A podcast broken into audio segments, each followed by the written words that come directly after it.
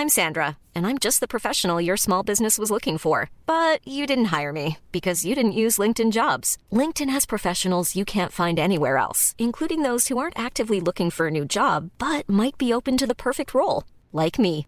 In a given month, over 70% of LinkedIn users don't visit other leading job sites. So if you're not looking on LinkedIn, you'll miss out on great candidates like Sandra. Start hiring professionals like a professional. Post your free job on linkedin.com/people today.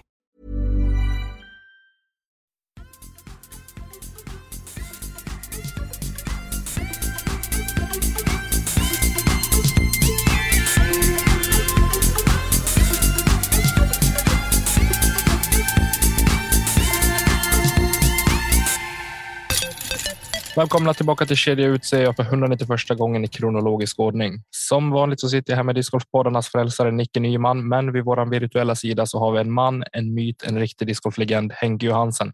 Välkommen till podden. Kul att ha dig Tack ombord. så jättemycket. Tack att jag fick vara med. Hur är läget? Det är bara bra, tack. Hur står det till med er? Och med mig är det alltid bra, tänker jag säga.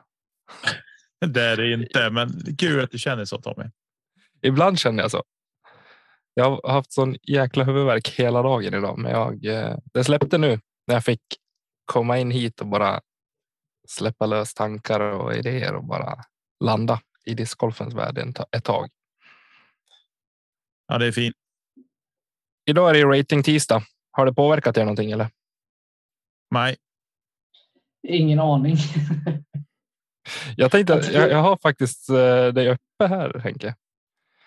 Och eh, från, eh, nej, det var oktober senast, ja, men då var det öppen pinne i alla fall. ja. Eh, det varit ner på botten och vänt lite. Men då är ju vändningen åt rätt håll i alla fall. Ja, man kan ju hoppas att det håller i sig. Det blir jobbigt om det bara är en pinne åt gången i och för sig. Fan vad mycket man behöver spela då. Jobbigt att bara sikta på tusen och så bara. Fan, det är ändå 17 månader till. Ja, för sig, det går ett och ett halvt år. Det är ju lugnt. Ja, ska det funka? Eh, Jag tänker så här att om det är någon lyssnare där ute som har fått en eh, fin uppdatering så är det väl bara att man taggar oss i sitt eh, inlägg som alla gör nu för tiden. Det pangar ju till överallt på Instagram med uppdateringar på fina höjningar. Så tagga oss gärna där så kan vi följa upp och ja, säga grattis. verkligen. Jag tänk, så här. Jag tycker att om man inte är liksom medveten om vem Henke Johansen är. Då tycker jag att man som, som svensk discgolfare har gjort lite tjänstefel. Men eh, jag tänker att vi måste göra våran plikt i alla fall och bara dra igenom den här faktarutan innan vi hoppar in i avsnittet på riktigt. Absolut, kör. Såklart. Eh, ja, Henke, hur gammal har du börjat på bli? Ja, vad är jag nu? Närmare 40? Nej, skämt åsido. 36. Du är bara barnet. Hur färsk? Hur färsk? Vars bor du någonstans då? Jag bor eh, i Kungsbacka i Halland och inte Göteborg. Det är viktigt det där. Varför är det så noga det där? Kungsbacka, Mölndal, allt i Göteborg. Nej, det Ja, Men då är ju allt norr om Siljan i Norrland också då. Det är, per definition så är det ju samma breddgrad. Så. Men jag tänker så här, jag fick så jäkla skit när jag sa att vi skulle till Onsala och spela NT eller skulle ner till Göteborg och spela sista NT. Liksom vad, vad, nu har jag inte varit nere i Onsala, men hur långt är det till Göteborg? Tre mil. Ja, det är ändå så pass. Så det, ja, det är nog närmare fyra faktiskt ut till Onsala om man säger från Göteborg. Ja, men ja, jag vet inte, 17. Jag hade faktiskt en polare en gång när jag spelade hockey som eh, spelade i Kungsbacka Kings. Där har jag spelat. Alltså, Ja, svartklädda, riktigt fräcka tröjor hade de på den tiden i alla fall. absolut. Så jag har mina kopplingar till Kungsbacka också. Även om de är lite snåriga. Det är, ja, men det är bra. Lite snåriga. Nästa fråga, Nicke. Ja, nästa fråga. Vad jobbar du med? Jag jobbar som konstruktör och projektledare inom eh, labbmöbler kan man säga. Det, vi har ju pratat om det lite här innan. Det verkar ju vara sjukt spännande ändå. Eh, men det blir ju vardag av sånt också har jag lärt mig. Man tycker att man har spännande jobb och så, men det blir vardag det också. Exakt. Eh, hur länge har du spelat discgolf? Eh, man bortser från ett uppehåll på tio år så har jag spelat sedan 97. När kom uppehållet? 2000 till 2010 någonstans där. Okay. Det är ju faktiskt. Länge. Med sånt uppehåll. Men vi kan vara kompisar i uppehållspodden någon gång. Har vi varit. Du, eh, vilken var din första disk? Eh, första disk var nog, eller det var, eh, jag har den kvar, en eh, numera tvådelad grå Cyclone. Oh. Två, tvådelad, undrar man vad har hänt?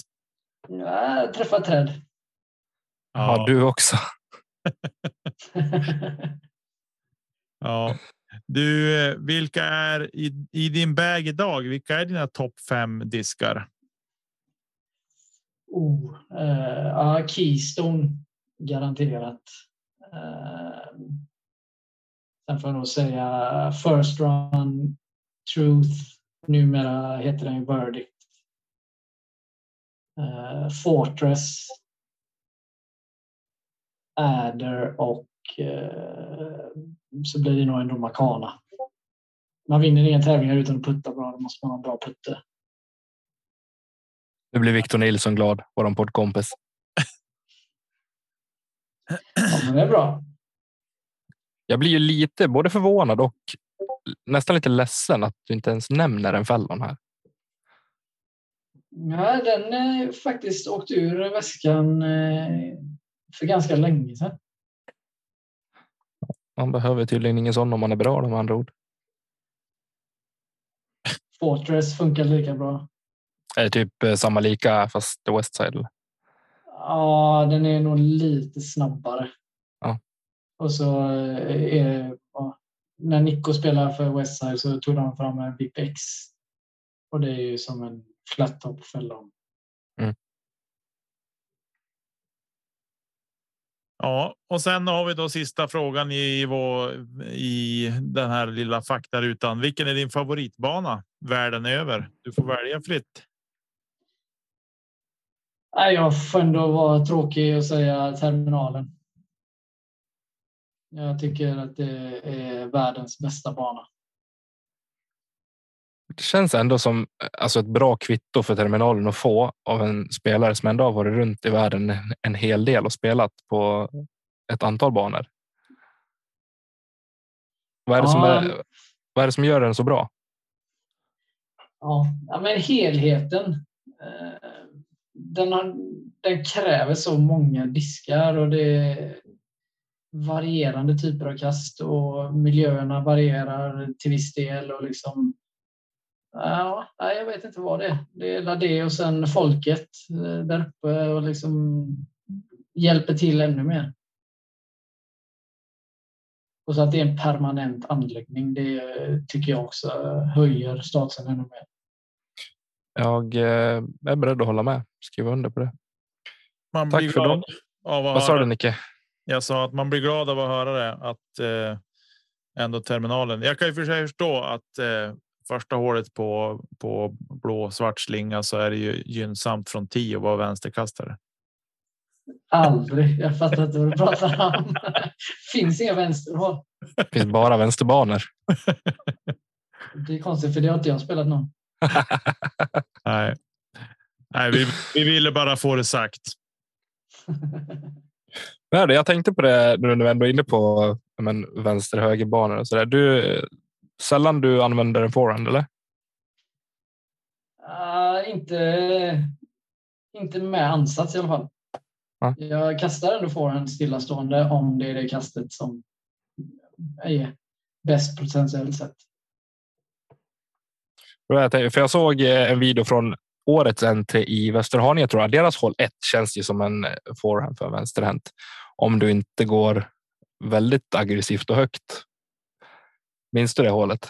Ja, absolut. Fast eh, jag håller inte alls med. För, du gör inte det? Eh, nej, för det, som vänsterhänt så räcker det att bara kasta rakt på första kastet. För du har en heiser in på andra. Ja, ja precis.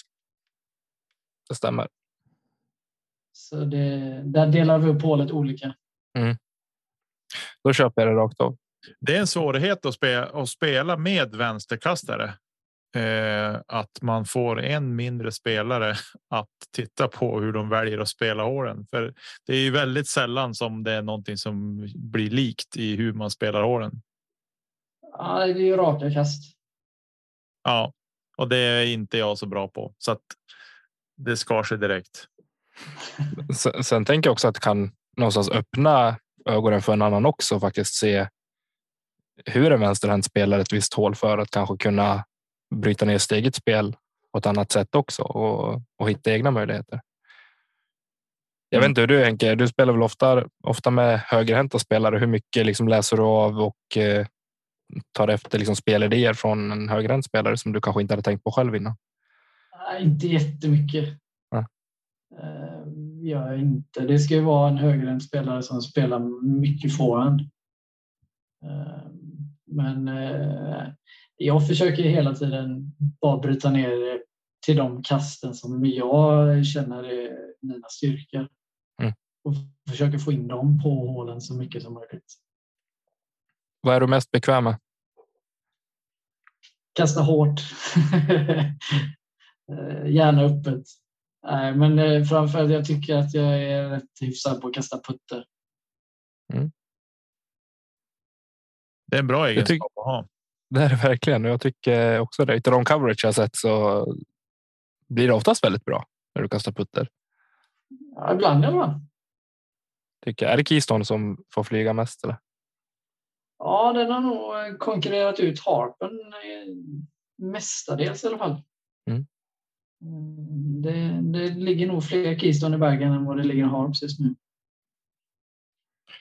Jag minns att vi hade ju ett segment här tidigare i podden när vi skulle gissa vems bag eller gissa eller fylla någons bag så ut efter vilket namn eller beroende på vilka modeller som fanns i bagen. Och då hade vi med din bag från 2017 tror jag från var det Skellefteå Open då? Eh, och då var det ju en del harps med faktiskt. Nu när du säger mm. det.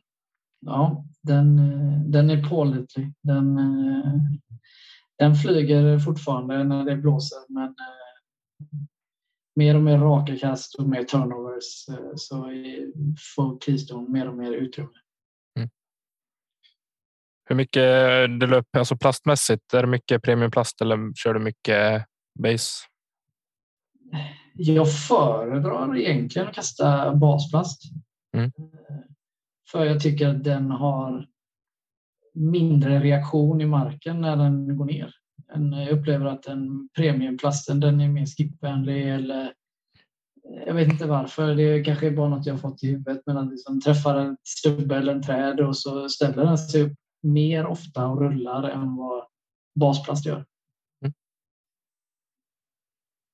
Mm. Det ser man, hör man väl från, från många spelare som eh, just anledningen till varför man väljer att, att kasta en, eh, en basplast är just att den ja, men, greppar bättre i backen och inte att den är mer pålitlig helt enkelt. Ja, absolut.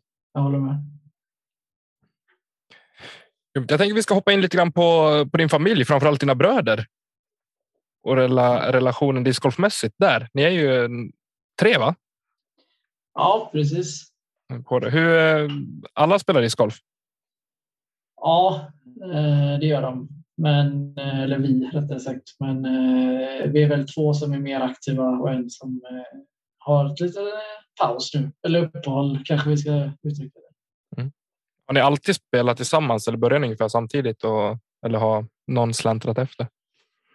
Det skiljer. De är ju tvillingar. Så det skiljer sex år mellan oss. Så att jag börjar ju betydligt före dem. Sen Mm. eh, sett åldersmässigt när man börjar så tror jag att de var före på grund av att jag spelar. Men eh, eh, ja, någonstans där skulle jag gissa.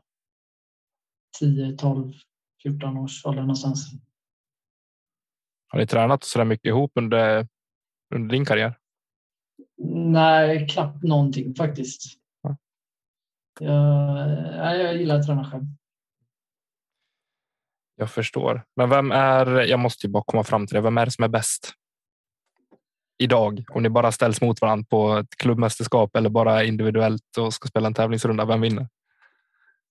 Uh, ja, nu får jag nog säga att jag vinner igen. Uh, men uh, Viktor hade en period där, där uh, han var riktigt het. Så då fick jag stryk ett par gånger. Jag tror till och med han hade högre rating än mig också. En, stö- en kort session här på denna säsong. Du ser. Men den, den ordningen är återställd. ja. Kanske är lika bra det. Gammal äldst, eller vad säger man? Man får hoppas det en stund till i alla fall. Men satsar eh, Viktor också det? Samma sätt? Ja, men eh, han har steppat upp lite mer nu det sista tycker jag ändå. Mot eh, tidigare år kanske det liksom var mer. Ja, men det är kul att åka iväg och, och kasta lite frisbee, men nu är det liksom. Ja, men mer tävling. Eh, så att, eh, ja, det är skitkul. Härligt. Eh, om vi tittar på den här säsongen som har varit, nu får vi väl ändå säga, eller nere hos er så är säsongen kanske inte över eh, och det är den sig inte riktigt här än heller, men den är ju. Det går ju inte att spela på vardagarna längre här, för nu är det mörkt liksom halv fyra.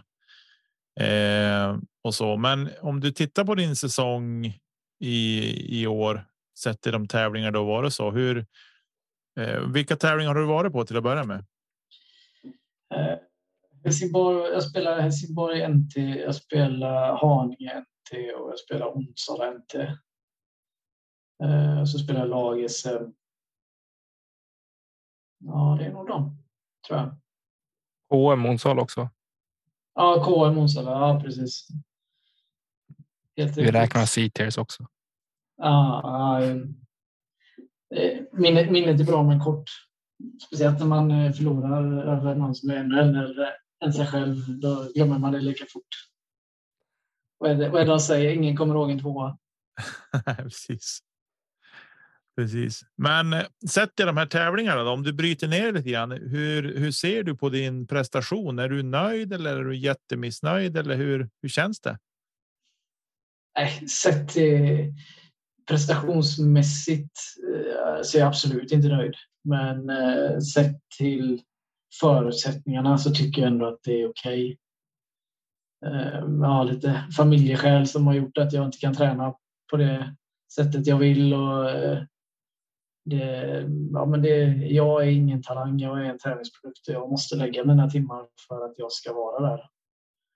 Ehm, och jag har inte riktigt haft den möjligheten. Så att, eh, ja, efter det så är det ändå okej, men det är inte där jag vill vara. Nej. Vad tar du med dig från säsongen då sett till eh, där du precis har varit inne på? Att eh, antingen så kör man och då får man tävla mer. Eh, eller så får man ta en paus tills man kan träna och tävla mer. Åka och spela halvdant. Det, är inget för mig. Eller liksom jag, ska man offra den tiden från familjen och allt och åka iväg, då vill jag känna att jag är med och slåss i toppen. Mm. Jag förstår hur du menar. Det, absolut. Man blir jäkligt besviken om man åker iväg och så är, lägger ner de timmarna och sen så har man inte möjlighet eller liksom kraft och, och ge allt heller. Eh, så blir man bara besviken. Absolut, Spe speciellt sånt som man kan påverka innan. Sen finns det ju alltid faktorer där, där man inte kan göra något åt. Eh, Snedstudsar eller liksom oflyt under rundorna eller liksom sånt. Men, men att lägga tiden och, och timmarna innan för att komma så förberedd som det bara går. Det, det är ändå något man äger själv. Är det någonting du kan förutse alltså långt i förväg att du liksom inser att okay, jag kommer inte ha tiden så jag skippar de här tävlingarna? Eller är det någonting som du liksom kommer pang på? Nej, ja, det är lite, lite beroende på. Eh, jag har en son som har ganska svår epilepsi så det är lite beroende på eh, ja, när han är inne i perioder med många anfall och ibland är han inne i perioder där det inte är så många anfall. Och det, ja, det äter på en och det kan tyckas jobbigt att åka iväg då liksom när man kommer det att bli, vi får ringa ambulans eller liksom går det att lösa hemma eller? Mm. Jävligt ovisa situationer liksom som man kan ställa sig inför och då kan jag känna också att det kan vara klokt att vara på hemmaplan och finnas nära till hands. Ja, sen, sen, är det ju fördel att vara i södra Sverige. Det är inte jättelångt att åka om man eh, måste åka hem. Jag, jag har inte några 15 timmar till, till Helsingborg. Nej. Det där är ju det är liksom. Man ty jag tycker ju själv att det är nog jobbigt. Jag, mina barn är liksom friska så de har inga liksom sådana saker, utan det är mer bara att man lämnar över dem till till frun och hon får ta hand om dem. Och Tommy känner säkert likadant, liksom det här med lite grann med samvetet. Och då i ditt fall Henke också liksom att då förstår jag att det blir tuffare att ta beslutet att åka iväg och liksom kunna slappna av och fokusera på det också. Eh, liksom på på det sätt som du vill. Och om du då dessutom säger att du är en träningsprodukt liksom att då även få tiden till att träna och hela den biten. Eh, det sätter allting i lite ett annat perspektiv. Så. Ja, men absolut. Eh, men totalt sett, liksom, har du kunnat ändå se tillbaks på säsongen sett till dina förutsättningar att du har landat i att det vart okej? Okay? Ja, men det och framför allt att jag, jag som spelare måste tävla mer kontinuerligt. Jag kan inte åka på en tävling, lägga tre veckors träningsperiod och så åka på en ny tävling. Alltså, utan för mig är själva tävlandet är en färskvara. Mm. Det är både liksom det fysiska men även det mentala som Eh, som spelar in där just att hålla igång tävlingsskallen på, på det sättet? Eller är det bara kastningen som, som påverkas? Nej, jag skulle säga att det är det mentala mm. eh, framför allt. Eh, för där är jag, även om man försöker lura sig själv och säga att jag har tränat, jag, eh, så när, när det ställer sig på sin spets så slår man den där, du har inte tränat nu. Du kommer, alltså, man försöker, man intalar sig aldrig att man ska missa någonting, men eh, den, den ena axeln så sitter den djävulen där och på andra sidan så sitter en annan och säger tvärt emot. Så att, eh, ja, det, det är något som jag har lärt mig genom åren att eh, jag måste ha det så. Jag måste träna. När du väl står på banan och liksom känner att den här, vad är det som speglar av sig i spelet om man säger när, eh, när det mentala börjar sjunka? Ja, mitt spel bygger ju på aggressiv, aggressivitet. Eh, jag spelar aggressivt. Eh, och när jag börjar vackla i självförtroendet så börjar jag spela mindre aggressivt. Och, eh, ja, det är inget som gynnar mitt spel för jag kan inte det. Mm. Ja, det är intressant det där. Jag, att jag tror det, jag hade önskat att man kunde vara mer aggressiv också. Jag blir fort passiv av någon anledning. Jag vet inte varför, men. Men eh, det är ju intressant att höra de som måste känna att jag måste vara aggressiv, annars går det inte överhuvudtaget. Eh. Jag har ju lite så. När, jag, när det stämmer så kan det vara riktigt bra. Eh, och när det går mindre bra så kan det vara riktigt mindre bra. Mm. Och, och det är framförallt den lägsta nivån som det är för mig någonting som jag tränar mig till eller liksom bygger upp. Och det är färskvara. Mm. Är det någonting som kan spegla sig just under en tävling, liksom säg på tre dagar, att du kan ha en runda som är riktigt dålig och två runder som är bra? Eller är det just att du kan, du kan ändå hålla i en hel tävling och spela väldigt bra, men nästa tävling så då faller allt? Eller hur, ja, hur, hur kan det se ut? Ja, ja men lite, lite så. Eller liksom att man har något hål som eh, så här, det går bara inte. Och då har jag svårt att bryta ner det och liksom värdera om det hålet, eller vad ska man säga? Eh, ja, det, det, ja, men det är svårt att förklara hur... Och, för mig går det lite med att är man inne i tävlandet så löser jag det för att jag känner att amen, jag, jag är förberedd på det här. Liksom. Men medan som i Helsingborg där det var några trästudsar där det inte gick som jag ville och, och, liksom, och få jaga hela tiden för att liksom komma ner på röda siffror. Det, ah, nej, det var ingen, ingen jätterolig helg att åka hem därifrån med, med svarta skårar. Det, inte jätteofta jag gör det faktiskt. Sen är det ju positivt eh, att det utvecklas, absolut. Och hela den biten. Men för mitt självförtroende var det inte asbra. Nej. Jag, ty jag tycker det är så intressant just och jag är jätteglad för våra skull, Nick, att vi startar den här podden just för situationer som den här när vi får liksom komma in. För det är så lätt att sitta och kolla på resultat och så vet man. Ja, men spelare som ja, men, ta som Henke, spelare som eh, Linus Karlsson till exempel, som är som vi är vana att se högt upp i fälten. Och så är det så lätt att sitta och kolla på resultatlistan och säga okej, okay, men det gick inte så bra för Linus här. Det gick inte så bra för Henke här. Det gick inte så bra för Anton här och si och så. Det är därför det är så skönt att kunna ha de här stunderna och liksom få en inblick i vad som faktiskt kan ligga bakom en prestation och varför det kanske inte alltid stämmer. Mm. Eh, vill ni snälla bara hålla med mig? För jag tycker att det är liksom skönt för mig att få liksom känna att det är så lätt att sitta och döma spelare som man är van att se i toppen, men och så helt plötsligt så bara dipper det. Och liksom att kunna få, inte en anledning, men en förklaring till att så här kan det funka. Det tycker jag i alla fall är, är jätteintressant och, och fint att få höra. Mm.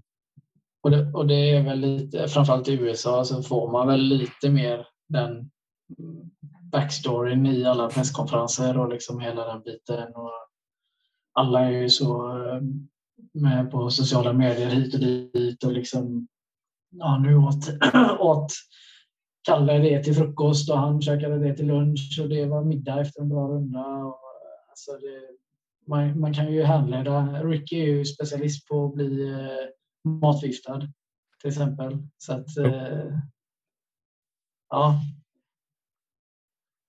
Ja, nej, och det är ju någonstans i det här också. Och det gäller ju inte bara i discgolfen utan i väldigt många sporter eller alla sporter att det är ju en människa bakom också. Liksom och hur hur är hur är allting med människan också? Det kan ju bara vara att man har haft ett ett dåligt samtal med någon eller vad som helst som sitter och gnager i huvudet på en så gör man en dålig runda liksom med att man har ja, men man har bråkat med barna eller man har bråkat med frun om någonting och så ska man väga och spela discgolf. Eh, eller bara det att man har glömt att säga till att man ska fara iväg och spela discgolf till exempel. Så är man lite irriterad när man åker iväg och då kan ju hela rundan vara liksom förstörd. Eh...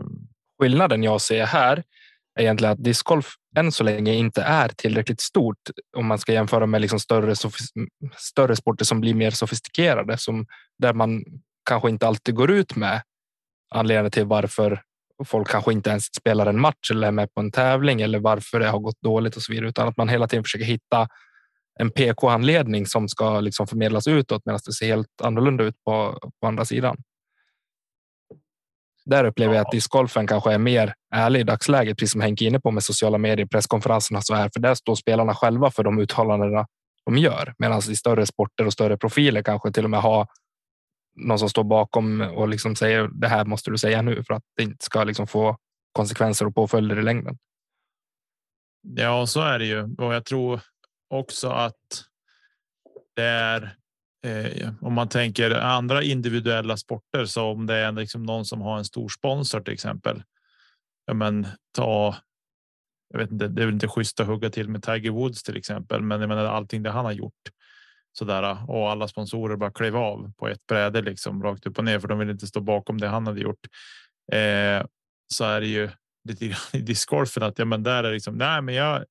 Jag var och käkade någon kyckling som inte var bra och fick matförgiftning. Det var orsaken till att jag var kast när tävlingen för att jag liksom har inte fått behålla någon energi eller någonting. Jag har inte kunnat träna som jag ska eller vad som helst.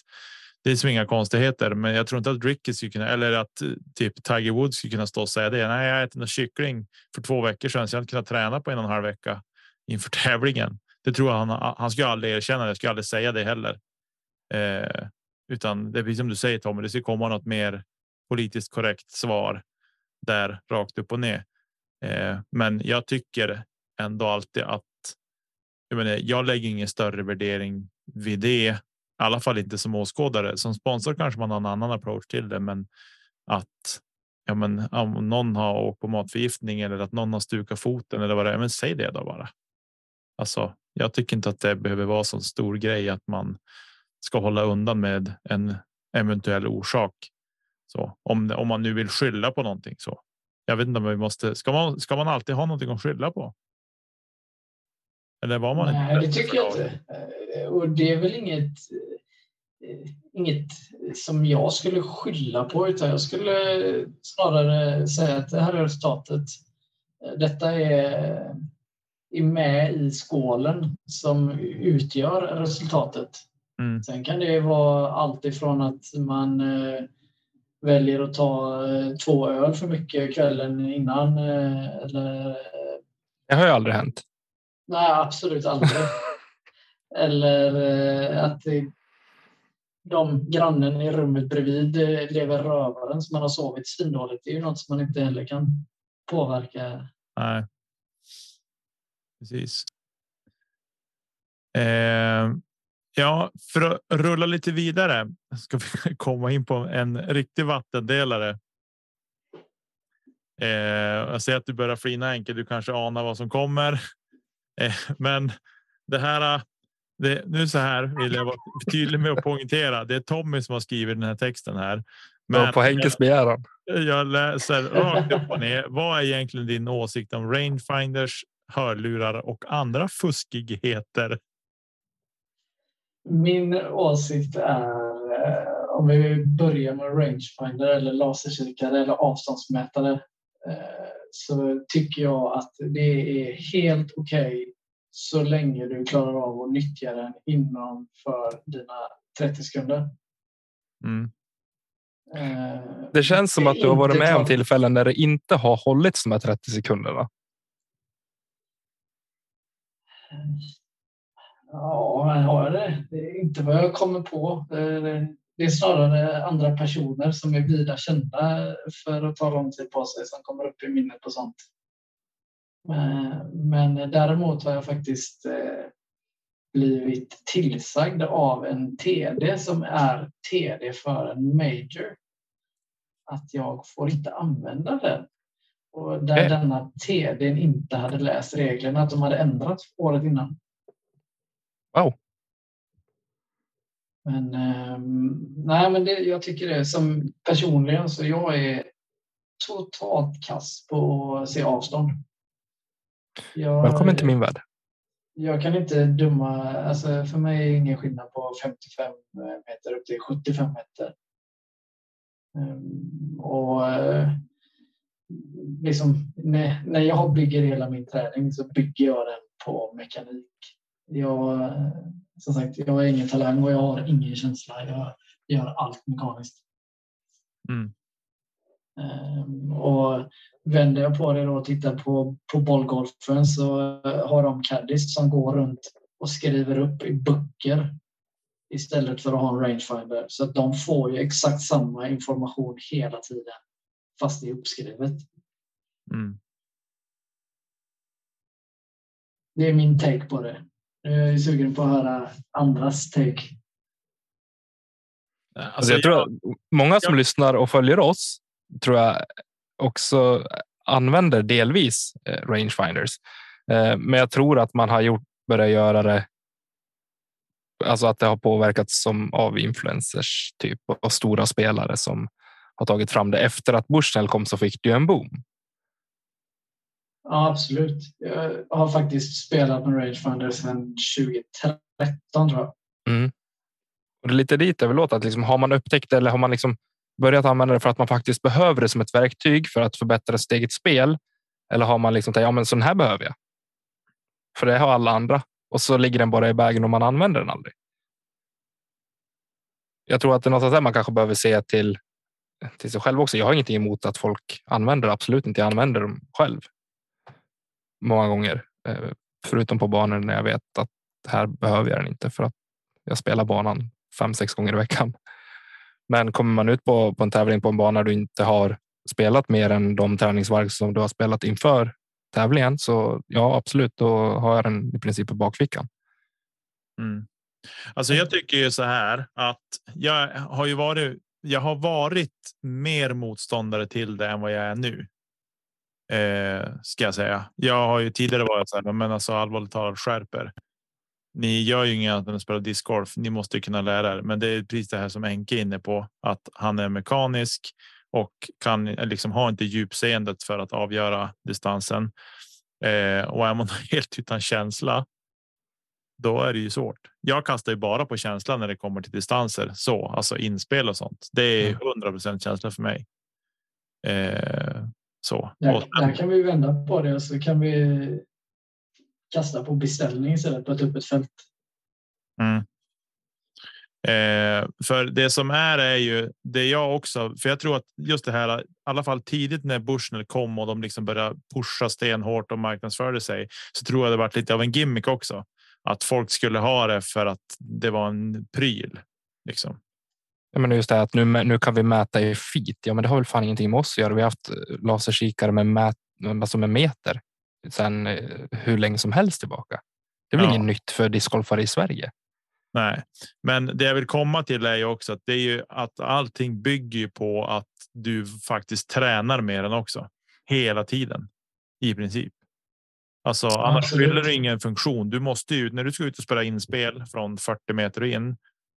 Ska du ha liksom om man nu om det är då man behöver använda den till exempel. Men alltså, du måste ju använda den då vid din träning också för att någonstans bygga in den. Ja, men det är 40 meter in. Det är helt plant liksom, du kan ju bygga ihop infon med en känsla när du ska kasta till exempel. Absolut. Jag tränar ju så. Jag tar ju med mig 25 eh, harps ut och så ställer jag en kona på eh, x meter och så gör jag det tills jag i stort sett kan blunda och kasta det avståndet. Den ska ligga liksom plus minus fem. Mm. Mm. Och det tror jag att 90 procent av de som har en gör det inte tror jag. Alltså. Ja, det är möjligt. Eh, Sen är det ju en, eh, en extra och det är väl här lite vattendelaren kommer. Att, alltså för mig är det ju, det ger ju en extra liten självförtroende-boost när du vet avståndet. Eh, samtidigt är det fritt för alla att köpa en förutsatt att man har råd. Då, men liksom där, där är ju vattendelaren kan jag tycka. Mm. Ja, Nej, men så jag har väl blivit lite mer så här, men däremot håller jag med dig till 100 procent Henke om att man ska hålla sig inom sina 30 sekunder. Eh, och det är väl där jag tycker att och det landar ju på oss spelare att vi är för flata att kolla på tid. Eh, så för jag menar, har du hittat disken, du står på ett öppet fält, du liksom det. Jag tycker att det tar för lång tid många gånger mer om att liksom säga men de ska puffa och de ska se åt vilket håll det blåser och det ena med femte. Liksom. Jag tycker att det, det blir inte. Det blir inte bra och det blir inte fair heller mot de som faktiskt håller sig inom tidsramen. Eh. Absolut. Och sen, sen personligen så försöker jag ofta skjuta när det inte är min tur. Mm. Så att jag har redan gjort det när jag när det är min min tur att kasta. Eh, men sen en annan vändning på det hade ju varit nu tar jag bara rakt upp i huvudet. Så de jag vet som har till exempel 50 meter kvar till korg. Det var ju Ale Vit som förhoppningsvis kommer i spel igen och eh, Hässleholm har haft det också vet jag. Av de jag kommer ihåg i Sverige rakt upp och ner. Och det är också grymt. Men den är, då finns den ju för alla. Mm. Ja, verkligen. Eh, vad tycker du om hörlurar då? Jag tävlar alltid med hörlurar eller en hörlur för det är courtesy och inte vara anträffbar under rundan. Eh, men eh, jag använder den eller använder det mediet tvärt emot alla andra tror jag. Jag har det för att stänga av discgolfen. Mm. Alltså i mellankasten. Vad kör du i lurarna då? Musik eller podd eller tyst? Eller? Jag, eh, jag, som sagt, jag är mekanisk och allt ska gå på rutin. Så jag har samma spellista sedan 2012 tror jag. Mm. Och eh, alltid samma låt på hålet. Alltid, alla runder. Det, nu kommer vi in på det här äh, rutinerna. Det här gillar jag. Nu. Nu, snackar vi mönster liksom. Tio Ja, år, samma låt alltid. Alltid. Ja, men det, för mig är det just den låten har blivit att jag kan stå och köta skit fram tills det är min tur och så sätter jag på den låten och då är det fullt fokus. Den Ser har ut på blivit de- som någonting du förknippar med liksom med att nu är det fullt fokus. Ja, precis. Så det, det, som sagt, nu är vi där igen med, med vanor, men det blir lite problem när den kommer på mitt under rundan. här. Ja, jag kan tänka mig det. Du får se till att ha spellistan så att den täcker tre och en halv timme, fyra. Ja, jag tror faktiskt inte det har kommit in någon mer låt på den sedan 2015. Vad är det för låt? Får man fråga det eller är det top secret? Nej, nej, absolut inte. Det är ju eh, Life is a highway, den som är med i filmen Bilar. Åh, Just det. jag blir bara så glad också. Ah, Rascal Flats. Ja. Exakt.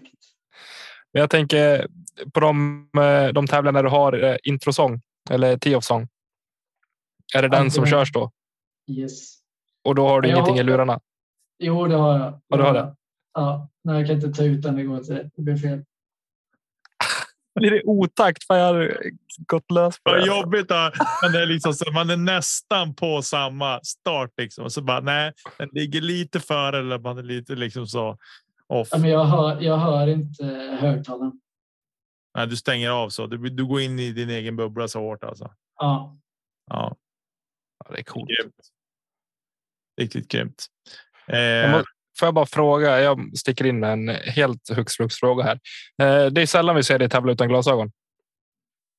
Mm. Typ aldrig. Vad? Ja, det är Varför? för att jag, jag vet inte om jag är ljuskänslig eller alltså, kisar för mycket och så får jag jättehuvudvärk. Mm. Därav. ja. Är det, är, är det den som går in under andra fuskigheter Tommy? Eller? Ja, jag tänkte det. Jag vet inte vad det finns för liksom andra fuskigheter egentligen man skulle kunna säga att. Att eh, man skulle ta till, tänker jag så här spontant. Ja, men det är birdiebag eller vad heter de? Alltså en sån. Det är ju något du ändrar.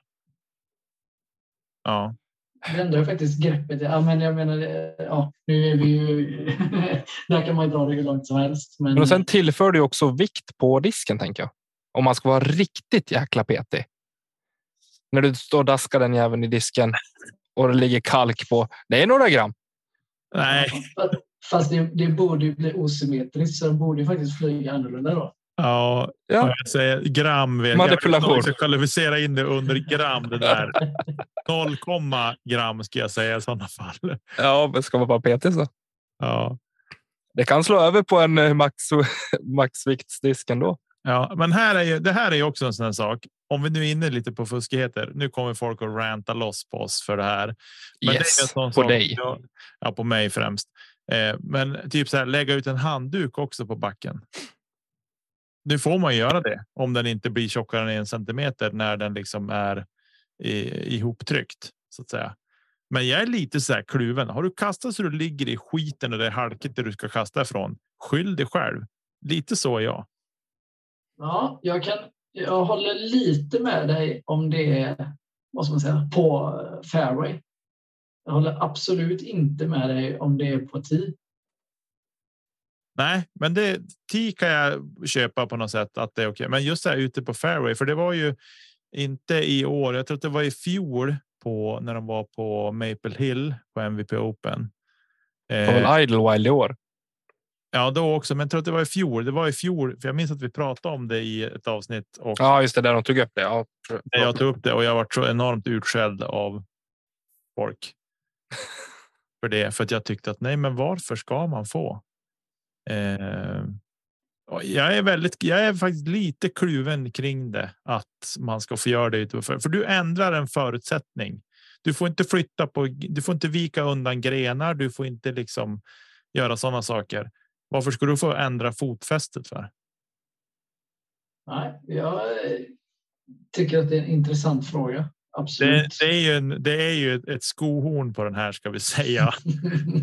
rejält med bräckjärn kanske också, men jag tycker att det är. Eh, i alla fall värt att lyfta för diskussion. Så nu, det, vi vet ju hur PDGA funkar. De skiter i vad vi tycker, men, men, Men jag tänkte precis komma till det. PDG har väl lite värre saker att kanske bry sig om och ta tag i innan de börjar snacka om handdukar på fairway känner jag. Jag älskar ändå att den får inte vara tjockare än en centimeter när den är ihoptryckt. Men vem, vem tar ut med sig luftmadrassen ut liksom pumpad? För att stå på. Det är ingen. Nej, det, nej, men det är ju lite samma det här. Det blir ju nästan förlöjligat när de ställer sig bakom eller på sin laj och så ställer de sig i spagat för att kunna plocka bort en gren som är i run-upen. Ja, Och så hävdar de att det här blir min laj. Jag ska stå så här bredvid. Och så, ah, nej, jag ångrar mig. Jag ska visst ta tre steg här. ja, Jag kan tycka någonstans att har du spelat förbi hindret så ska du kanske få flytta det. Om det är dött och är löst. Då ja, har du någonstans redan passerat det. ja. Precis. Ja, nej, de har det. Det känns lite som att det har målats in sig i ett hörn här på vissa, vissa regler och tolkningar och så. Eh, Det som blir problemet när det är liksom vi ska döma själva och det är väldigt mycket tolknings eh, tolkningsföreträde på vissa frågor. Då, då hamnar man i den situationen också. Samtidigt så måste man ju testa för att någonstans kunna utvärdera också. Så ja, det är skitsvårt. Det är väl kanske just det som är problemet, att vi dömer själva. Ja, det, det är en diskussion för ett annat avsnitt, det kan jag säga. Ja, det är det. Vi behöver inte lyfta det nu, men vi, vi rullar i alla fall vidare i det här äh, trevliga avsnittet och tänkte höra lite om historier från förr. Henke, du, du har ju pratat om dem tidigare när du var med också, men eh, och du har ju varit med i, i LSP också. Ja, precis. Eh, och men det, men det här tourandet i USA. Ja, Berätta lite grann om det och så och även. Det kommer ju att komma in i det här också. Ditt deltagande på USDGC också. Mentoren till USA först och främst. ja, men det var ju egentligen en. Det skulle vara en femårsperiod. Eh, alltså jag hade satt upp ett långsiktigt mål att eh, efter tre år så ska jag vara i USA och så ska jag köra tre säsonger på touren. Eh, och det börjar ju med Europatouren, körde där i två år. Eh, Och sen, ja men, det som man utvecklas och framförallt så eh, jag är sån som människa att jag vill spela mot de bästa. Eh, Sen om jag inte vinner, men då eh, är det för att de är bättre. Eh, Jag vill inte komma fyra och känna att jag har spelat så dåligt. För att startfältet kanske inte är där jag tycker att det skulle kanske vara på vissa eh, Europatourtävlingar och så vidare. Och hela den biten. Och sen blev det följde det sig ganska bra med jobb och eh, hela den biten att det löste sig så att jag kunde ta tjänstledigt och åka till USA. Och sen så fick jag ju med mig Emil på, på tåget där. Eh, så det var ju ja, det var en upplevelse, absolut. Det var helt grymt. Så jag är mäkta avundsjuk på eh, Linus och Max faktiskt. Mm. Eh, när i tid var det här som du åkte över? Eh, Ja, första resan till USA tror jag var 2012 eller 2013. Eh, när jag var där på heltid så var det 2015. Mm. Men eh, däremellan så snittade jag allt från två till fyra, fem gånger över per år. Mm. Just det. Ja, det är ju häftigt ändå. Eh, det var ju långt innan jag tog upp discgolfen igen och så, men ehm, ändå ett sjukt driv ändå att liksom ha en sån kärlek till sporten så att man vill. Eh, ja, men för det är ju liksom ekonomiskt så är det ju inte gratis tänker jag. Nej, eh, det är det inte. Eh, men eh, samtidigt så är det ju. Alltså det är en sjukt rolig resa även om man åker man så vill man alltid vinna. Men alltså att få se så mycket och uppleva andra kulturer, städer, träffa folk. Det riktigt kul faktiskt. Så det uppmanar jag alla som får möjligheten. Åk, tveka inte. Mm. Just det. Eh, och det här landade till slut också att du var med på USDGC. Ja, eh, jag har varit med sex gånger tror jag. 2013 första året tror jag. Ja, Om jag inte kan stämma. kan stämma. 12 eller 13, jag kommer inte ihåg exakt. Tror att det blev 13 då faktiskt, första året jag var där. Det stämmer jättebra. Eh, jag tror jag körde typ vartannat år bra, vartannat år skit. Du blev 39 2014, sexa 2015. Och det är väl. eh, Och sen bara gick det ut för Nej, men det var 21 är väl inte helt heller fy skam 2016. Och Nej. 20, 2017 dollar lite grann på 52 plats, men Ja, precis. Nej, men det är alltså. I min bok är det världens bästa tävling. Jag vet att ni har diskuterat och håller eh, European Open som det men eh, i min bok som spelare eh, som upplevt båda så är den inte ens nära det, var, det här var en, en eh, fråga eller en frågeställning jag liksom gick och tänkte på inför här också. Liksom vad du anser gör en bra tävling i och med att du faktiskt har varit eh, och spelat USDGC som eh, många pratar om är världens bästa tävling och du har spelat European Open och så vidare. Men vad, vad är det som utmärker USDGC så pass att den blir så bra som den är? Men det är helheten, lätt att säga, jag vet. Men alltså, ta så här små grejer som att eh, när du parkerar bilen så står det en golfbil och väntar på dig.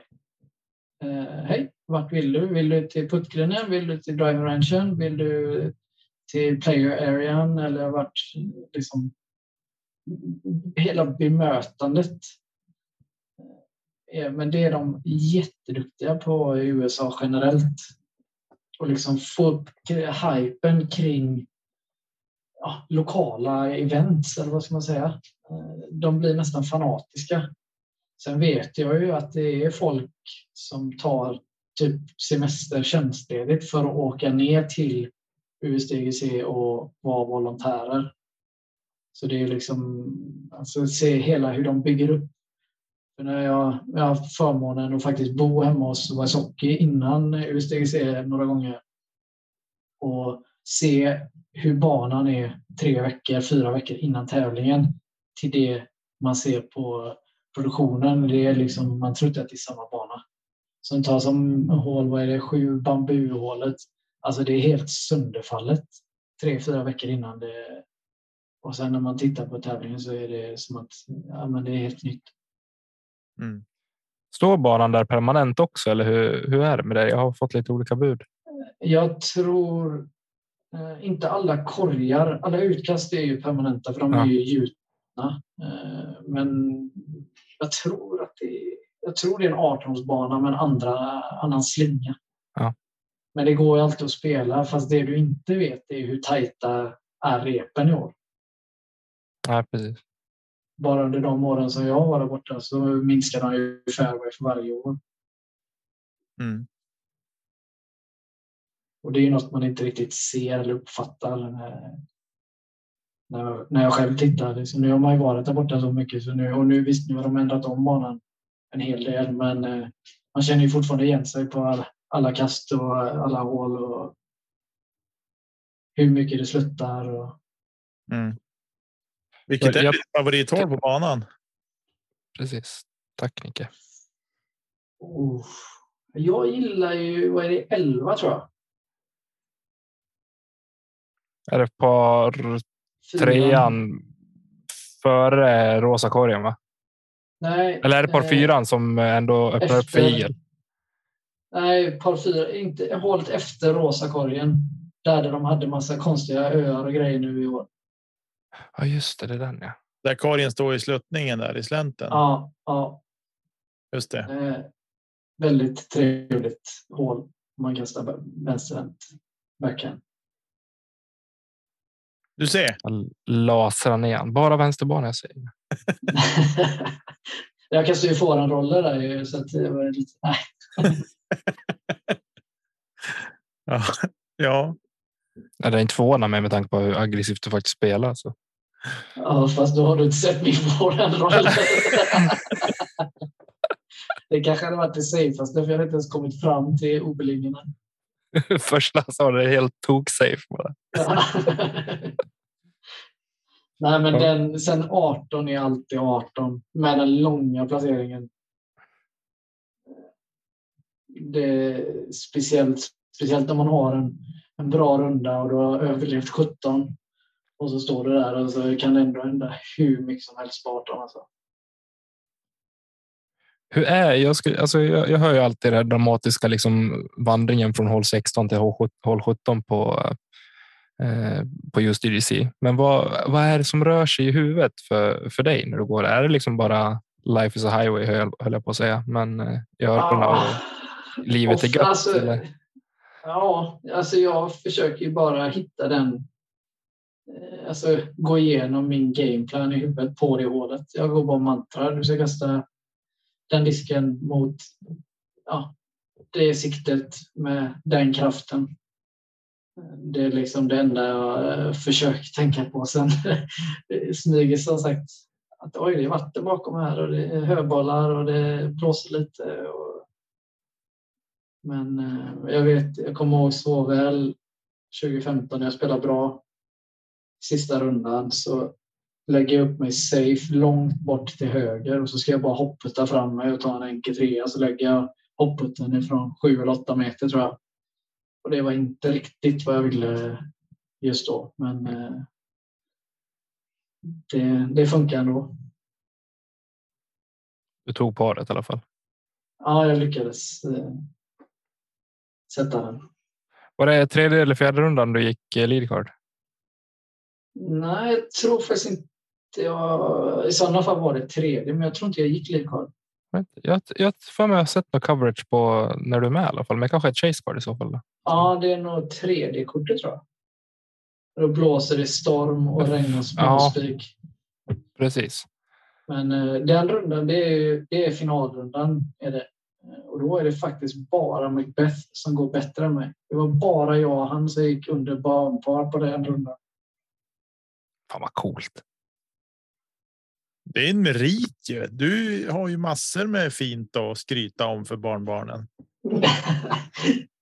ja, det vet jag inte, men... eh, Ja, men den är, det är lite kul faktiskt. Jag vet att det kanske kommer en lyssnarfråga här fram också, men vi måste ju beröra det här acet. På hål ett. Mm. Ja. Eh, Smakstart med Life is a highway. ja, det kan man lugnt säga. Det var svårt att eh, fokusera om. Så när jag tog eh, par på tvåan och par på trean så var ju den borta. Så då var det ju bara att starta om från noll. Men absolut, det är ju. Jag tror vi är fyra eller fem som har gjort första rundan på hål på det hålet. Det är nästan samma som de spelade i år. Jag tror att Karin är lite längre bak nu. Mm. Och så har de ju en trästock som ligger där. Stenarna var där i alla fall, men inte trästocken. Ja, Man kunde, kunde man fortfarande spela runt alltså vänstersidan eller var det bara var det man då spela rakt? Nej, jag tror du kunde spela runt, men jag har aldrig mm. spelat den vägen faktiskt. Jo, eh, något år när de hade korgen upp, upp vänster, vänster där bakom ja. den stora busken. Då spelade jag runt, men annars har jag alltid bara gått rakt. Det känns jäkligt sketch att spela runt ändå oavsett. Alltså när korgen är på nersidan, alltså rakt fram där den är idag i princip. Ja, absolut. Och sen har du första, som vänsterhänt så har du första trädet vid, precis vid utkastet. Som är lite mer i spel än om du kastar forehand som en högerhänt. Mm. Så att eh, nej, den eh, vägen var inget alternativ för mig i alla fall. Kan, kan vara förståeligt. Men, Nicke, vi, vi, vi ska åka dit tänkte jag säga. Men det, det hade varit roligt att få se och spela, spela den banan. Verkligen. Ja, det är en grej som man ser på coverage nu. Det, är ju, det gör ju sig inte rättvisa med hur mycket det slutar överallt. Det är ju lite samma som med Konopiste i, i Tjeckien. Mm. Alltså man, man förstår inte hur, hur mycket höjdskillnader det är förrän man ser det live. Det är också en sån bana som eh, många håller som en favorit eh, av de bättre spelarna. Vad, vad skulle du placera in den med i jämförelse med? Ja, nu har jag till och med tappat namnet på USDGC. Förlåt, men eh, den Rockhill. och Rockhill precis och terminalen och övriga toppbanor i Europa. Den är absolut där uppe. Det är den. Jag håller ju den högre än Järva faktiskt. Mm. Eh, det gör jag. Men ehm, det var väl att jag spelade för dåligt så jag är lite bitter och sen så missade jag att åka dit på EM på grund av covid så att eh, får jag möjligheten så kommer jag åka igen. Eh, jag har revansch att kräva där. Det ska väl spelas en Eurotour där va? Kommande ja. nu i sommar? Ja, du, du ser. Det så insatt jag är i discgolfsäsongen. den kom. Sen har de släppt hela, hela spelschemat för Europa också. Uh, nu fick jag veta idag. Det jag tycker är lite trist med Konopiste, eller trist är det väl inte på så vis, men att det inte är en permanent bana utan att den ställs upp liksom gör ju att den känns ju så ruff också. Gör den verkligen det? Får du den känslan? Ja, men jo, jag tycker att man får den känslan att den känns lite. Den känns ju inte lika upptrampad som en vanlig bana såklart. Men jag tycker att man kan. Det är, det är en park. Alltså folk rör sig där oavsett.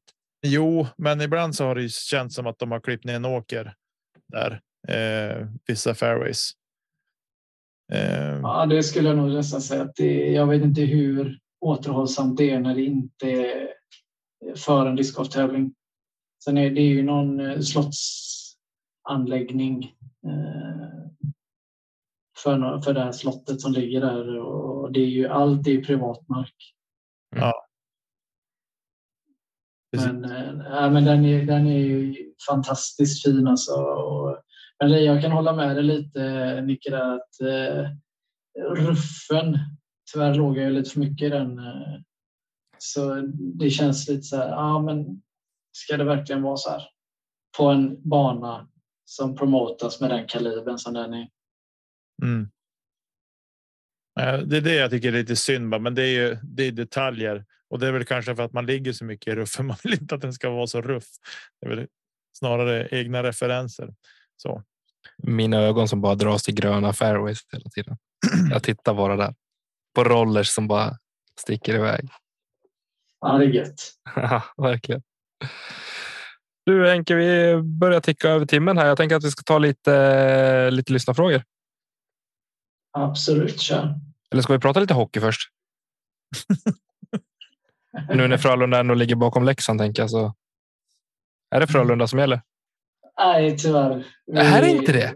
Nej. Vad glad jag blir. Så att, eh, vi, vi ligger lite högre upp i tabellen än vad Frölunda gör. Så kan du gissa. Färjestad. Yes. Oh, du, du snuskig jävel alltså. det kan inte vara populärt nere i dina, i dina trakter. Nej, generellt är det inte det. Fast nu kan man ju gå med näsan i vädret en stund till i alla fall. Ja, jag förstår det. Det är samma sak som här uppe när folk gick runt på jobbet idag. Och, ja, man måste välja mellan, Björklöven, Luleå eller Skellefteå. Jag bara, ja, det är ju inte så svårt nu när man håller på Leksand. Liksom. Jag kan också gå stolt och rakryggad med tanke på att man har två matcher mindre spelade än de som ligger före. Så det är så här. Snitttabellen. Ja.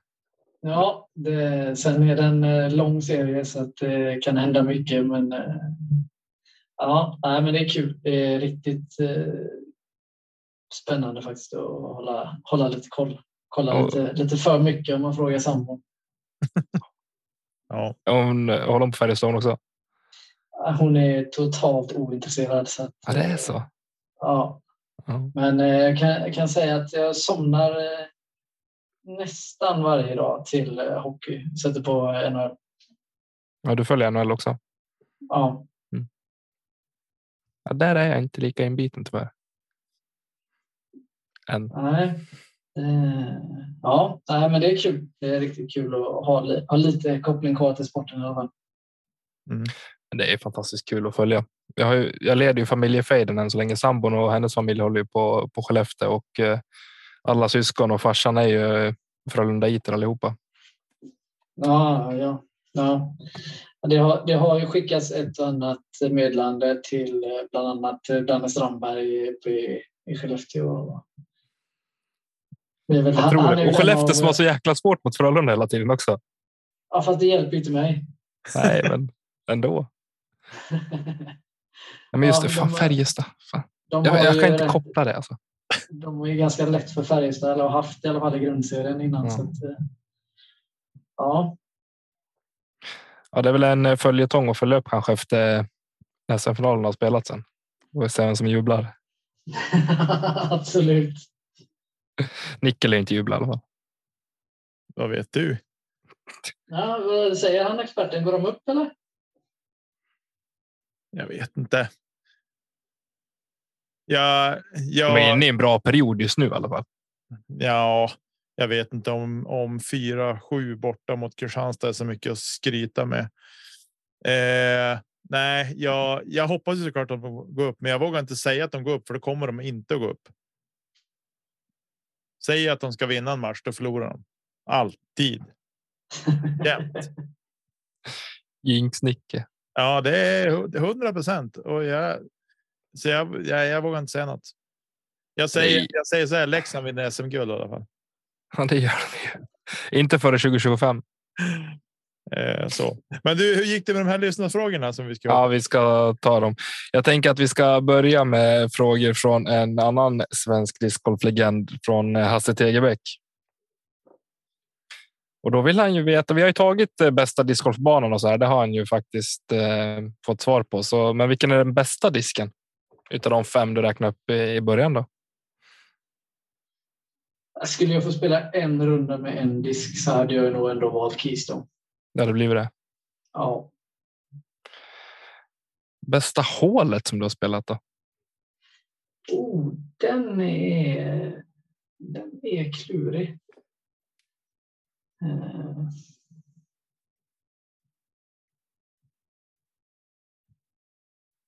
Ja, men eh, vad blir det då? Hål 1, 2, 3. Hål 4 på Ale Vit är där uppe. Ett par fem hål. Mm.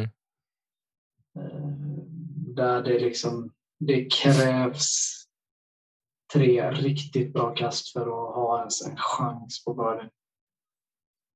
En sån Den hatisk kulle på green. Va? Nej, det är hållet efter. Är det hålet efter det? Okej. Eh, Ja, är det den du Mm. spelar upp för vägen och så upp för och sen vänster?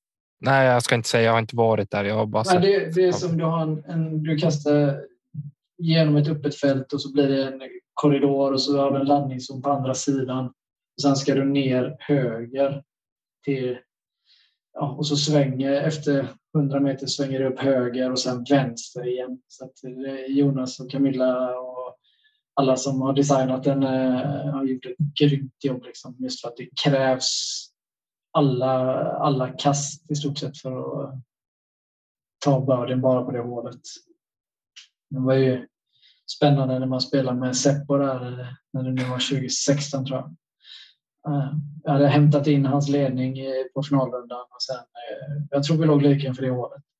Han bara roller och hamnar så galet långt ner och så skickar han fram den och vi sätter en IG och jag tror jag sa par och sen var det bara hej då.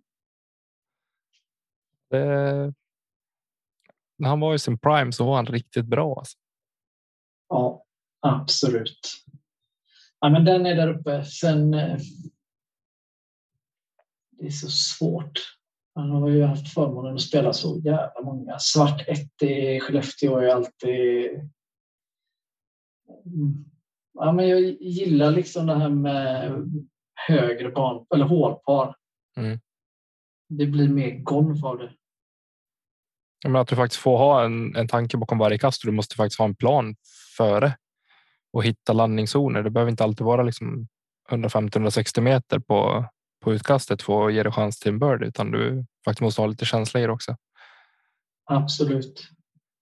Det här är en intressant fråga, sista från, från Hasse här. En fråga om räcken, bland annat eh, på utkasten vid, i, är det Svetti Martin, heter det så, i Kroatien?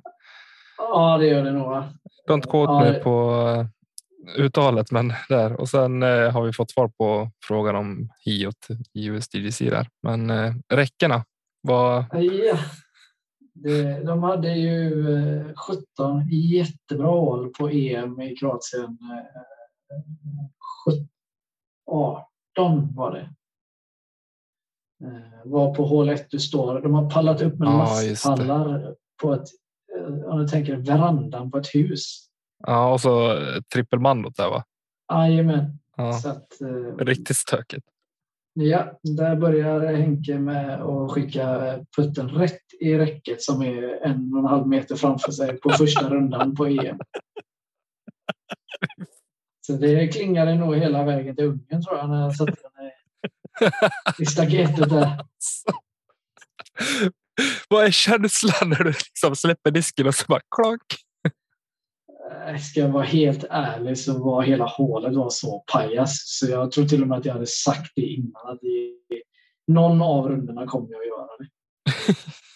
jag, tror, jag tror det var, om jag kommer ihåg rätt, så var det ett trippelmando och sen var det som en, en strut med obelinjer. Så ju närmare korgen det blev, ju smalare blev det om jag kommer ihåg rätt så tror jag det var Linus och någon till som gjorde börde på hela EM på det året.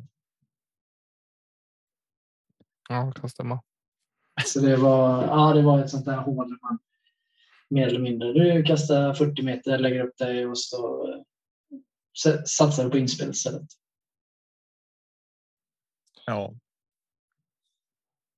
Det lät kul. sådär. Ja, jag tror tyvärr att det till och med kan finnas på film någonstans. Okej, det måste vi gräva fram. Om man gräver. Jag tror kanske att vi ska höra av oss till Robin Willman. Här. Han kanske sitter på något gott material. eh, kul att Hasse hörde av sig med lite frågor. Eh, verkligen. Jag eh, tänker vi går vidare. Eh, Big Marks på Instagram. Vi har eh, fått svar på bästa Sveriges bästa bana efter kaparen jag antar att det blir terminalen då, men att, eftersom att den var bäst. Ja, det blir det. Eh, så att eh, vi går vidare om fråga om du utövar några andra sporter än discgolf har vi fått från Faith Discgolf på Instagram och eh, vi pratade lite grann innan vi började spela in om det här, men vi kan väl ta det igen. Ja, det, jag vet inte om det är någon sport riktigt. Du har ju höjt lite. dig till skyarna att du ska börja börja cykla nu. nej, det, det, är ingen risk. Men, eh, nej, men jag cyklar lite landsvägscykel. Eh, annars så jag har spelat hockey eh, och även dömt hockey tidigare. Okej. Okay. Det är en tacksam ja. uppgift. Ja, absolut. Jag har till och med varit uppe och haft Löven uppe i Umeå. Så jag har varit i Nickes trakter, och, eller era trakter och härjat. Det innebär också att du har varit under Nickes hatstormar. ja, kan det ha varit 26, 27 kanske någonstans. Ja, då var jag inte på jättemycket hockey ska jag vara ärlig och säga.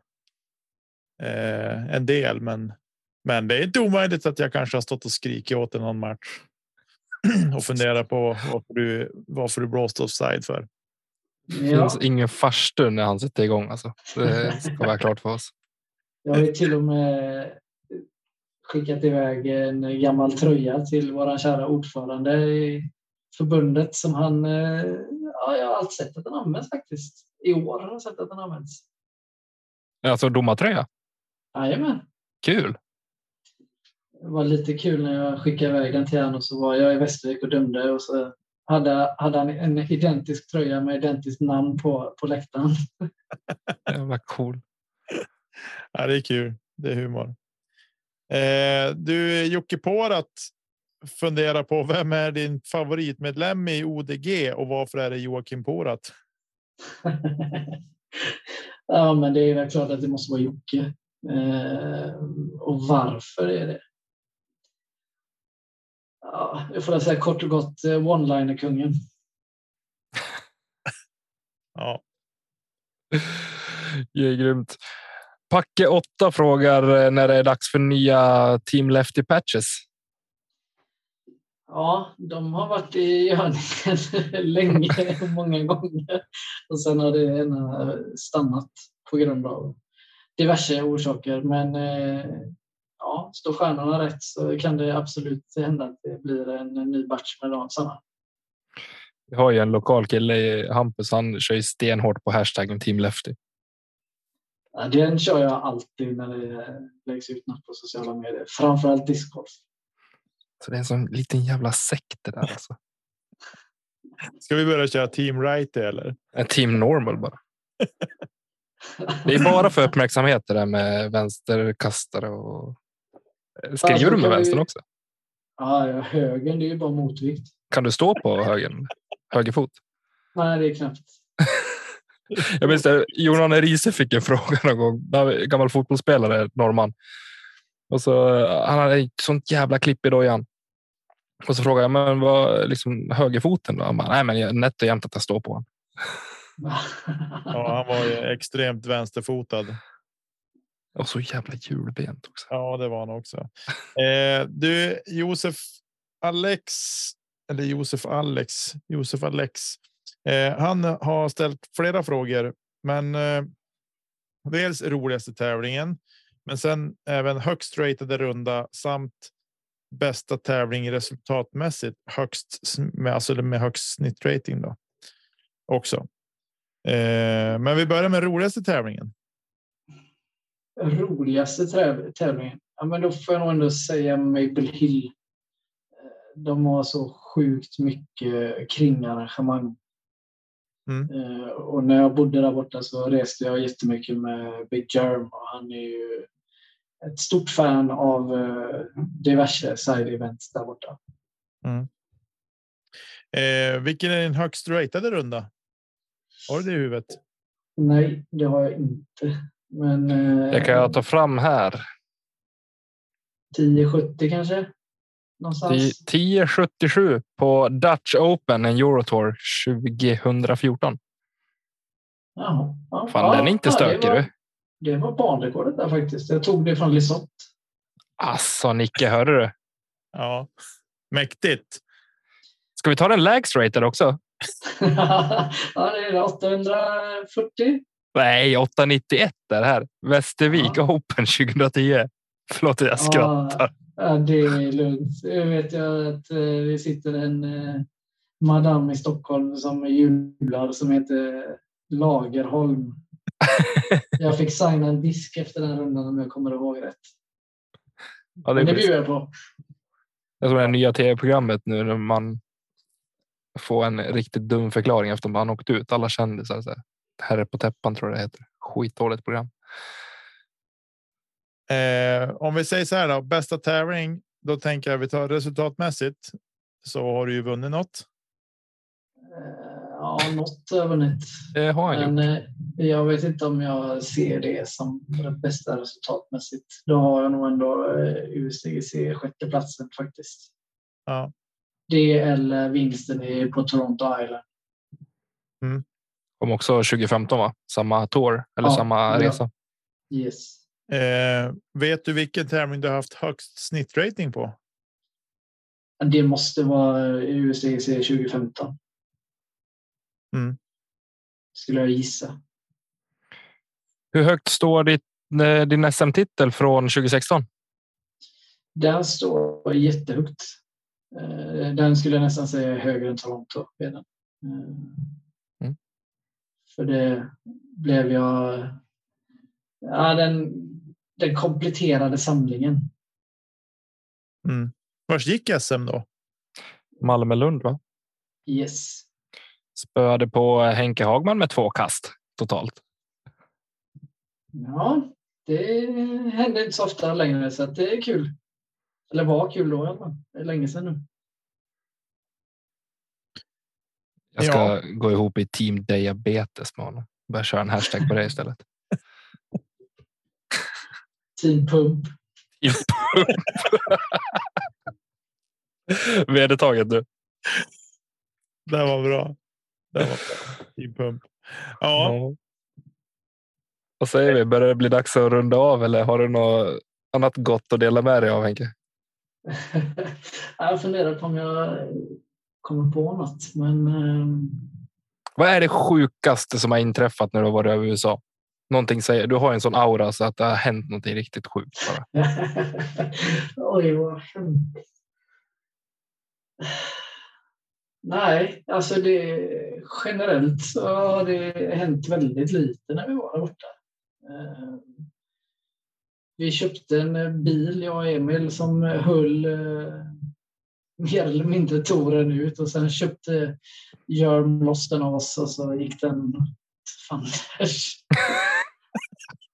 Eh, Så att han stod faktiskt som ägare på den hela vägen. Vi kunde inte äga en bil där borta. nej, just det. Men eh, nej, men alltså jag.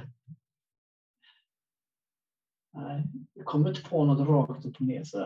Men, kan ju, jo, jag har ju en lite rolig sån. eh, Utan att nämna några namn så var det ju en svensk discgolfare som på planet över pölen tyckte att serveringspersonalen var lite långsam med de här vagnarna emellanåt. Så hen gick själv bak i kabinen och började öppna i skåpen och leta och blir påkommen och efter det så fick vi byta kabinpersonal som serverade oss. så, den, den, den starten på en resa är ganska rolig. faktiskt.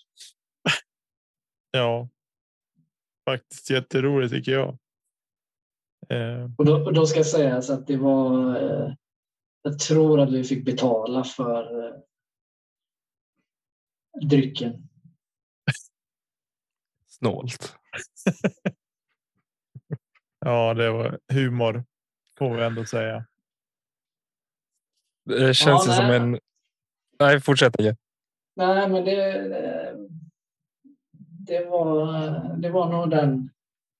Sen har det ju blivit lite så här klassiska flyg, flygplats eh, saker. Man sitter någonstans och käkar och tänker att nu har jag kontroll på connection flighten och så sitter man där och så, fan, så här, det känns ändå inte bra i kroppen och så tittar man en gång till på tvn och inser att shit, vi är på fel terminal. Det är bara att hoppa på tåget och åka liksom och så klarar man eh, andan i halsen ändå. Fy fan. Det har hänt på mer än en flygplats kan jag säga. Sånt där är något som skulle kunna sänka mig totalt. Vet, jag hatar ju när man är iväg hemifrån och, och så har man inte kontroll på grejerna. Då, nej usch. Det hade sänkt mig. Jag hade sovit och åkt hem på första bästa flight. Fast du tror ju att du har kontroll fram tills det är nästan inte någon tid kvar. Nej, men exakt. Och det, det är det värsta som hade kunnat hända. Då ska du veta, då är jag riktigt snabb. Att springa på flygplatsen. Alltså jag kan tänka mig liksom synen från civiliserat folk som eh, ser idioter springandes med en discgolfbag på ryggen. I full kareta. Ja, det, det har hänt eh, alldeles för många gånger faktiskt. Inte svårt att missa din bag heller. Den är jäkligt snygg för övrigt. Ja, tack. Ja, Vi, vi avslutar där. jag, tror vi, jag tror vi får bryta här nu innan det blir sidospårs-VM. Eh, Det var ju nu han skulle säga ja, jag skickar upp en varsin. Ja, jag har, har bara en tyvärr. Ja, nej, men det är sjukt snygg är den faktiskt. Det, det ska du ha. Ja, det- Och för er som inte har sett den så kan man bara scrolla runt på, på Henkes Instagram. Ja, de ser inte, även fast du visar. Det var vi som... Man bara scrollar runt på din Instagram för att få en syn på den, för den är, den är riktigt snygg. är den. Ja, Ja, dynamicdiscs.com. Den finns där alltså i den färgsättningen. Absolut. Det var ju tråkigt att man är- precis beställde en väg. Då. Ja, men det finns alltid utrymme för fler. Det gör ju det. Inte om man frågar min sambo dock. Nej, eh, känner igen det. Nej, Men det känns som eh, fina ord att gå ut på. Stort tack Henke att du eh, ville komma och eh, delta i våran eh, språklåda här och eh, stort tack för att du eh, bidrog med fantastiskt bra energi. Tack själva. Tack så jättemycket för att jag fick vara med. Bara kul. Det har det varit och eh, stort tack till alla er som lyssnar och eh, tack till alla patrons som fortsätter stötta oss i det vi gör. Sen vill vi tacka Emil Natchon och eh, Marcus Linder för att ni har gjort den fina grafiken och vignetter och inglar till oss. Och Nicke, du får ta det här sista, för det är aldrig någon som vet vad de ska svara. okej Henke. Här kommer den stora frågan. Vad ska vi inte göra nästa gång vi spelar discgolf? Kasta med högen. Kasta inte kedja ut. Ja, det är bra. Det är bra. Hej då med er. Hej då med er. Hej då.